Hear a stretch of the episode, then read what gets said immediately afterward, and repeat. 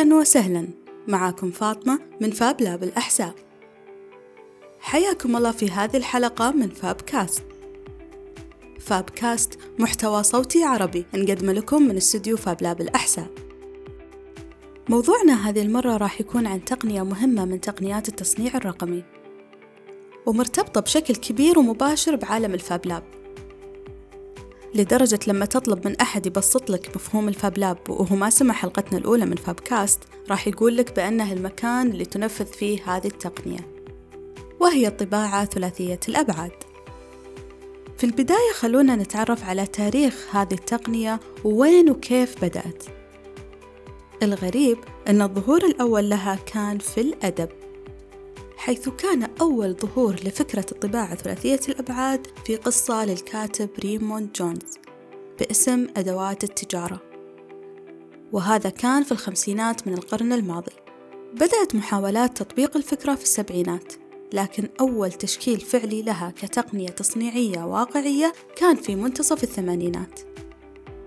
حيث تم طلب أول براءة اختراع لتقنية الطباعة بمادة الرزن السائل مع تسليط الليزر أو ما يعرف ب SLA في عام 1986 وفي عام 1988 تم تقديم طلب براءة اختراع لتقنية الطباعة بطبقات البودر مع الليزر المعروفة ب SLS وكذلك طلب براءة اختراع آخر للطباعة بصب البلاستيك المذاب أو الفيلمنت وتعرف ب FDM صدرت أول براءة اختراع لتقنية ال FDM في عام 1992 وبعدها صدرت براءات الاختراع للتقنيات الأخرى. بقيت تقنية الطباعة ثلاثية الأبعاد محتكرة على الشركات ولمدة 20 سنة من تسليم الطلب. أي أن أول تقنية انتهت براءة الاختراع فيها كانت FDM واللي تستخدم البلاستيك المذاب أو الفيلمنت كانت في عام 2009 ومن ذاك الوقت دخلت الطباعة ثلاثية الأبعاد مجال الانتشار الواسع وصارت تقنية مفتوحة المصدر ويشارك كل العالم في تطويرها وتحسين أدائها وتطوير منتجاتها وتطبيقاتها. ننتقل الآن للجانب العملي من الموضوع ونجاوب على السؤال المهم. كيف تعمل الطابعات ثلاثية الأبعاد؟ تعتمد الطباعة ثلاثية الأبعاد في عملها على صف الطبقات المتراصة من المادة فوق بعضها البعض. لذلك تعرف بالتصنيع بالإضافة أو Additive Manufacturing. والطابعات المعروفة اليوم في عمل النماذج وخاصة ال FDM اللي تستخدم البلاستيك المذاب في طباعة نماذجها هي من عائلة ال CNC اللي تحتوي على ثلاث محاور للعمل X, Y و Z أو الطول والعمق والارتفاع. وتستخدم الرأس الحراري المذيب للمادة بدل رأس الحفر المستخدم في آلات الحفر والنحت في ال router machine أو آلات القص والنحت الكبيرة بشكل عام أو حتى المستخدمة في ال milling machine أو آلات النحت والحفر الدقيقة. وبعد ما تذاب المادة تقوم الطابعة بصب الطبقات المتلاحقة اللي بدورها تتجمد وتثبت وتلتحم بالطبقات السابقة بعد صبها مباشرة. تمر الطباعة ثلاثية الأبعاد بعدة مراحل. تبدأ من الفكرة اللي راح تتحول إلى تصميم ثلاثي الأبعاد. هذا التصميم ينتقل لمرحلة ال slicing أو تشريح التصميم النهائي وتحويله إلى طبقات أو شرائح. ومن هذه المرحلة ننتقل لمرحلة تكوين الكود البرمجي. الكود البرمجي أو ال G-code هو عبارة عن إحداثيات التصميم والطباعة مع تحديد مناطق صب مادة الطباعة من عدمها. وهذا الكود أيضا هو اللي تقدر الطابعة تتعرف عليه وبالتالي تتبع أوامره اللي تنتهي إلى طباعة التصميم الرئيسي كما هو بالكامل. المرحلة النهائية في الطباعة ثلاثية الأبعاد هي مرحلة اللمسات الأخيرة لإزالة الشوائب والزوائد من الطباعة أو ما يعرف بال finishing نتكلم الآن عن استخدامات الطباعة ثلاثية الأبعاد وتطبيقاتها. يوم بعد يوم تتنوع تطبيقات الطباعة في حياتنا العامة. وفي الصناعة والتطبيقات الطبية وغيرها من المجالات. أيضا صارت الطباعة ثلاثية الأبعاد من أهم مصادر قطع الغيار وكذلك تطبيقات نسخ الأعمال الأثرية وتمثيل المدن أو المرافق. لتكون هذه التطبيقات نماذج للعرض أو لتسهيل التعرف على أهم المواقع السياحية والأماكن المهمة. مؤخرا صار عندنا عدد من الشركات النامية اللي تعتمد الطباعة ثلاثية الأبعاد في مجال صناعتها ونمذجة الحلول عندها. أحد أهم هذه الشركات شركة نمذجة الموجودة في المملكة العربية السعودية. اللي شاركنا مؤسسها المهندس فيصل العامر في لقاء فابتوك حوار حول تقنيات الطباعة ثلاثية الأبعاد. راح ناخذ أهم مقتطفات اللقاء عن مستقبل الطباعة ثلاثية الأبعاد خاصة في المملكة العربية السعودية. بالعالم كله لها حضور جدا قوي. بالسعودية لها مستقبل أيضا جدا قوي لا يقل بل يكون أكثر في حالتنا في السعودية. ليش إحنا في السعودية راح نستفيد من 3 دي برينتنج أكثر؟ نقطتين. أو خلينا نقول ثلاث نقاط. واحد لا يخفى عليكم توجه الدولة تجاه الصناعة. الصناعة ركيزة أساسية من ركائز تقدمنا الاقتصادي. التركيز والاتجاه نحو تنمية القطاعات الصناعية هذا شيء جدا واضح ولازم فعلا نستغلها الآن وحنا شفناها في نمذجة والشركات اللي في السوق يحسون فيها. تونا طلعنا قبل فترة في مبادرات المحتوى المحلي اللي اطلقتها آه، أظنها وزارة الصناعة. صار إلزامي على على الحكومة على الجهات الحكومية وعلى على المصانع المحلية والقطاع الخاص إنه يشتري من الشركات السعودية. أنت راح تبني مبنى 70% من محتواك المحلي لازم يكون داخل السعودية. معناتها هذه فرصة لك أنت كشخص تبغى تدخل في مجال الصناعة الآن هذه فرصة على طبق من ذهب الشركات مجبره انها تجي عندك. هذا رقم واحد. رقم اثنين بشكل عام القطاع الصناعي ما هو مرة عندنا متقدم. فلذلك إذا جيت انت عندك منتج وأنت شخص تطور منتجات عندك فكرة صناعية عندك منتج بأي شكل كان تبغى تطوره. ما هو بسهل عليك إنك تسويه لكن 3D printing الآن أداة جدا رائعة إنها تزيل الحواجز ما بين فكرتك وما بين المنتج اللي أنت تبغاه. حول هذه الفكرة إلى منتج ف 3D printing فعلا أداة جدا رائعة للانتقال هذا. في أماكن أخرى في العالم صار عندهم خبرة في التصنيع قبل 3D printing هم يصنعون معناته عندهم وسائلهم وطرقهم في النمذجة. إحنا في السعودية عندنا تقدم صناعي في مجالات معينة في البتروكيماويات في المجال النفطي لكن يجي نتكلم على المنتجات لحد الآن إحنا ناشئين في هذا المجال. ف 3D printing هنا قاعد تعطينا أداة جدا ممتازة. فإذا أنت عندك منتجات تبغى تطورها هذه 3D printing راح تكون وسيلة جدا رائعة لك. هذا رقم اثنين. رقم ثلاثة إحنا في السعودية ومو بس في السعودية حتى في العالم تقريبا كله الآن صارت الشركات اذا تصنع الشيء وين تصنعه؟ في مكان معروف يصنعونه فيه الأشياء الصين ليش؟ لأن الصين أرخص لكن هم أرخص بإيش بالضبط؟ هم أرخص بال mass production الصين، الهند، تايلاند، إندونيسيا، الدول هذه هي أرخص بال mass production أو اللي يسمى بالعربي التصنيع بكميات كبيرة، أبغى أصنع من هذا السيارة أبغى أصنع منها مية ألف نسخة. أبغى أصنع من هذا الجوال آه، مية مليون نسخة. فهناك هذاك مجالهم هذاك سوقهم. ليس من الذكاء أنك تنافسهم في هذا المجال. 3D printing قاعد تعطيك وسيلة رائعة لتصنيع منتجات مخصصة customized products صنع من هذه القطعة ألف حبة.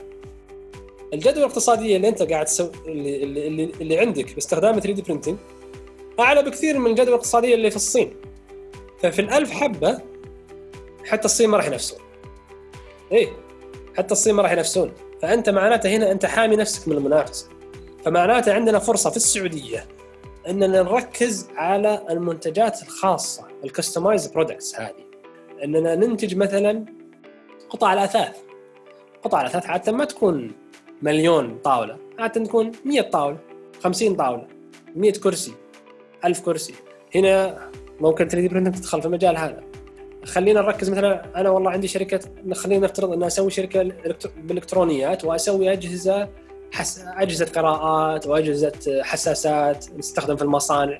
أبغى أصنع من الحساس هذا 1000 حبة ولا 10000 حبة. استخدم 3D printing راح تكون منافسة للصين. تبغى تصنع آه، أشياء القطاع العسكري آه، نفس الشيء أشياء إلكترونية ولا إلى آخره. أنت بتصنع 1000 جهاز. ألف جهاز لو بتسوي له قوالب بتكلفك القوالب مبالغ جدا طائله تكاليف عالية. بينما أنت تصنع هنا بالسعودية باستخدام 3D printing ما حد راح ينافسك حتى اللي في الخارج. فهذه الثلاث شغلات اللي أنا أشوفها المستقبل في السعودية. إنك أنت راح تركز على الكستمايزيشن على المنتجات المخصصة. راح تزيل الحاجز ما بين الأفكار وما بين تطوير المنتجات. فمعناتها راح يصير عندك مقدرة على تطوير منتجات أكثر بكثير من اول ورقم واحد اللي هو التوجه الحكومي القوي جدا في اتجاه الصناعة. فهذا يعني فيما يتعلق بمستقبلها في السعودية. وأيضا راح نسمع من مهندس فيصل عن أهم تجارب نمذجة النوعية في حلول الطباعة ثلاثية الأبعاد. الحمد لله إحنا يعني خلال صراحة الخمس سنوات اللي فاتت فعلا تعرضنا لكثير من التطبيقات حتى الآن خدمنا أكثر من 500 عميل تقريبا. تخيل نوعية التطبيقات اللي تجينا. صراحة أنا يعني إذا شفت إذا دخلت المصنع وشفت اختلاف التطبيقات اللي قاعد تجينا يعني أقول والله لو واحد يدخل يقول وش السالفة؟ أشياء صناعية معقدة وأشياء طبية وأشياء فنية. فسبحان الله المجال واسع. أحد أبرز الشغلات خلينا نقول يعني الحديثة هذه صارت في في أزمة كورونا. صار في تعرف صار في مشكلة في السلاسل الإمدادات العالمية بشكل عام. supply chain صار فيه لبكة شوي. كثير من المطارات وقفت الشحن وقف الشحن الجوي وقف الشركات سكرت بعضها. فصار في مشاكل عند الشركات إن ما هم محصلين القطع اللي يستهلكونها بشكل مستمر. موردينهم اللي برا السعودية انقطعوا عنهم. فاشتغلنا على أكثر من مثال ودخلنا على نوعية جديده من أنواع الأعمال. اللي هي الإنتاج بكميات كبيرة. اشتغلنا يعني مع أكثر من عميل لكن عندنا عميلين أحد العملاء يصنع بعض المنتجات المعدنية. المنتجات المعدنية هذه فيها كثير من التفاصيل اللي هي أماكن تثبيت تركيب بعض الأشياء عبارة مثل الكابنتس الاستخدامات الصناعية وكان يجيب بعض القطع البلاستيكية من من ألمانيا فالمورد الألماني طبعا وقف خلال ما يقارب شهر أو شهر ونص من بدء علاقتنا مع العميل صنعنا له أكثر من 5000 قطعة. جانا وهو عنده قطعة متوهق يبغاها بسرعة سوينا له منها كمية ما أدري الظاهر 1000 حبة. ثم بعدين استوعب إنه okay ممكن إحنا نسوي قطع إضافية. وجبنا قطعة ثانية ثالثة رابعة خامسة والحمد لله. وحتى الآن إحنا مستمرين معه بهذه العلاقة. أيضا صنعنا لأحد العملاء أرامكو السعودية صنعنا لهم آه هذه اللي هي ال door handles أو مسكات المقابض الأبواب. اللي بدل ما تمسكها بيدك تمسكها بذراعك. هنا في شيئين يعني استفادت منها 3D printing كانت إضافة تعتبر فيها اللي هي مرونة في التصميم. فأنا عندي أبواب كثيرة أشكالها مختلفة فأنا لازم أسوي تصاميم مناسبة لكل باب. اثنين سرعة الإنتاج. أنا ما أحتاج أسوي قوالب فإحنا صنعنا لهم ما أدري يمكن 4000 حبة. من 20 تصميم مختلف خلال فترة ما تزيد عن شهرين. معناته وهذه هذا الاحتياج كان احتياج عاجل ما هو بحاجة قابلة للتأجيل. فهنا 3 دي برنتنج جت. حل جدا مناسب. فهذا أحد خلينا نقول الأمثلة.